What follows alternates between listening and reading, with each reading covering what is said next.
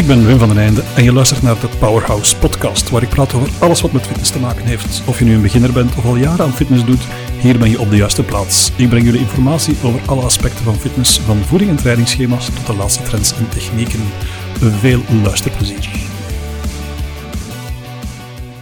Welkom bij de zesde aflevering van de Powerhouse podcast. En vandaag wil ik het hebben over hoe een goed workout schema eruit ziet. Nu, om te beginnen, ik ga het hebben over een full body workout. Um, ondertussen zullen de mensen al wel weten dat ik fan ben van full body workout. Weet je dat nog niet? Luister naar aflevering 3, waarin ik het uitleg waarom ik een full body workout prefereer over een split. Nu, splitprogramma's, heb ik toen ook gezegd, zijn er um, voor een goede reden en hebben zeker hun functie. Um, en daar kan ik het later in een latere aflevering nog eens over hebben, over hoe een goed splitschema eruit ziet. Maar nu wil ik het hebben over hoe een goed um, full body schema eruit ziet.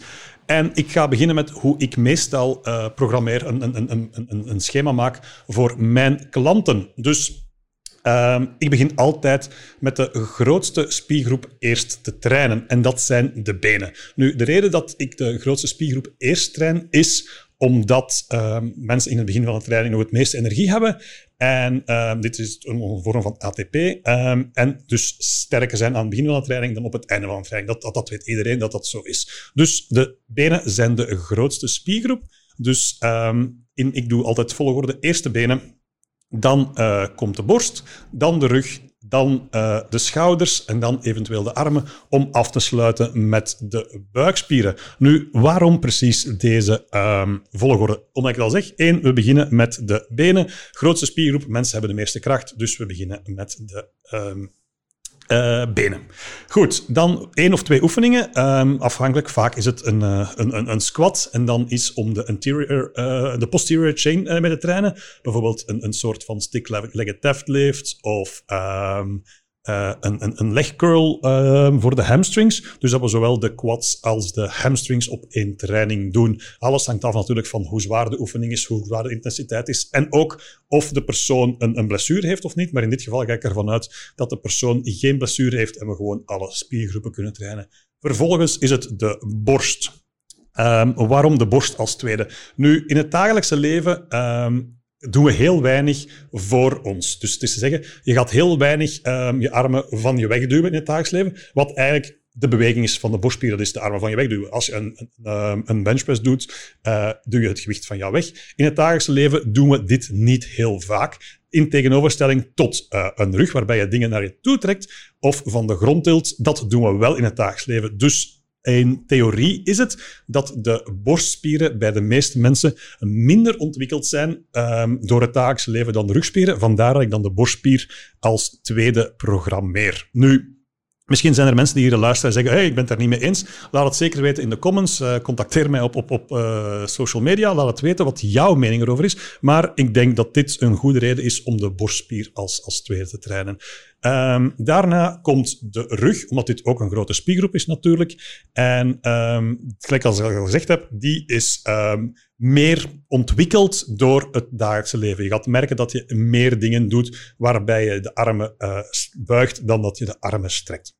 Vervolgens zijn de schouders aan de beurt, omdat deze uh, een, is een kleine spiergroep, maar uh, toch programmeer ik ze eerst uh, voor, voor um, armen, omdat armen worden al getraind bij alle andere oefeningen. Bij een benchpress ga je ook de triceps gebruiken. Bij eender welke oefening voor de rug ga je ook de biceps gebruiken. Schouders deels ook, maar niet zoveel als de armen. Dus daarom dat de schouders als vierde um, geprogrammeerd staan. Ook alles hangt ervan af hoeveel tijd dat je hebt natuurlijk. En als ik uh, bijvoorbeeld, als ik zou kunnen kiezen en je hebt maar tijd om uh, benen, um, borst, rug en nog een extra spiergroep te trainen, dan ga ik de schouders nemen, omdat die minder gewerkt hebben tijdens de training uh, dan de uh, armen. Dus dan zijn het schouders. En dan, als er nog tijd over is, of de focus ligt erop, dan gaan we de armen doen.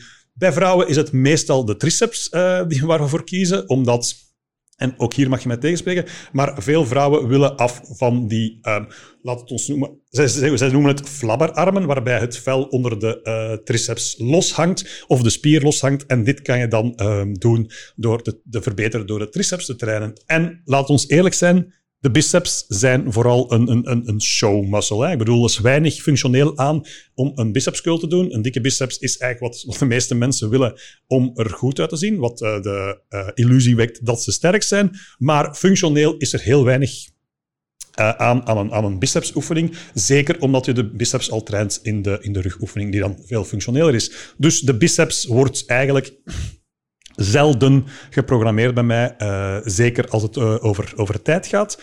Uh, nu, altijd is het beter om volledig alle, alle spiergroepen te trainen, maar nogmaals, de biceps zijn vooral een, een showmuscle. Nu, je wilt ook niet hebben dat de armen onderontwikkeld zijn tegenover de rest, want als je echt je doel is om, er, om, een, om een mooie fysiek op te bouwen, is het natuurlijk de bedoeling dat je zo symmetrisch mogelijk bent en moeten alle spiergroepen getraind worden. En als de armen gedaan zijn, dan sluiten we af met uh, core-oefeningen. Um, waarom op het einde?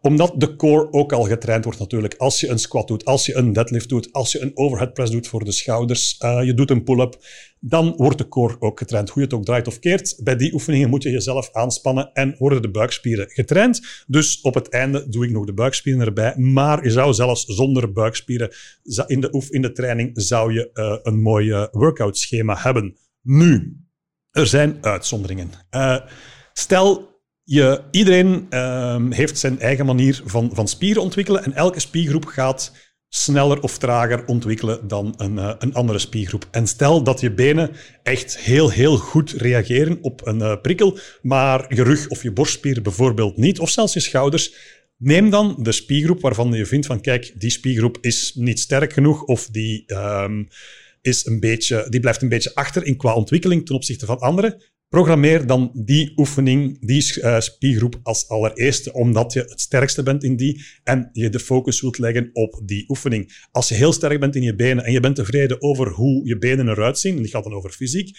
of je bent uh, tevreden over je kracht, ga de benen niet in het begin doen, maar programmeer een spiergroep die um, meer aandacht verdient volgens jou. Dus zo zou ik uh, programmeren, maar alles hangt dus ook inderdaad af van de persoon die, die, van, van wie dat jij bent, of de persoon die ik voor mij heb, van eventuele blessures en uh, wat de doelen zijn van uh, deze persoon. bedankt om weer te luisteren. En zoals altijd mag ik vragen om te abonneren op het, je favoriete podcastkanaal. Ga eens naar YouTube, geef een like, um, deel de podcast met vrienden en tot volgende keer. Bedankt om te luisteren.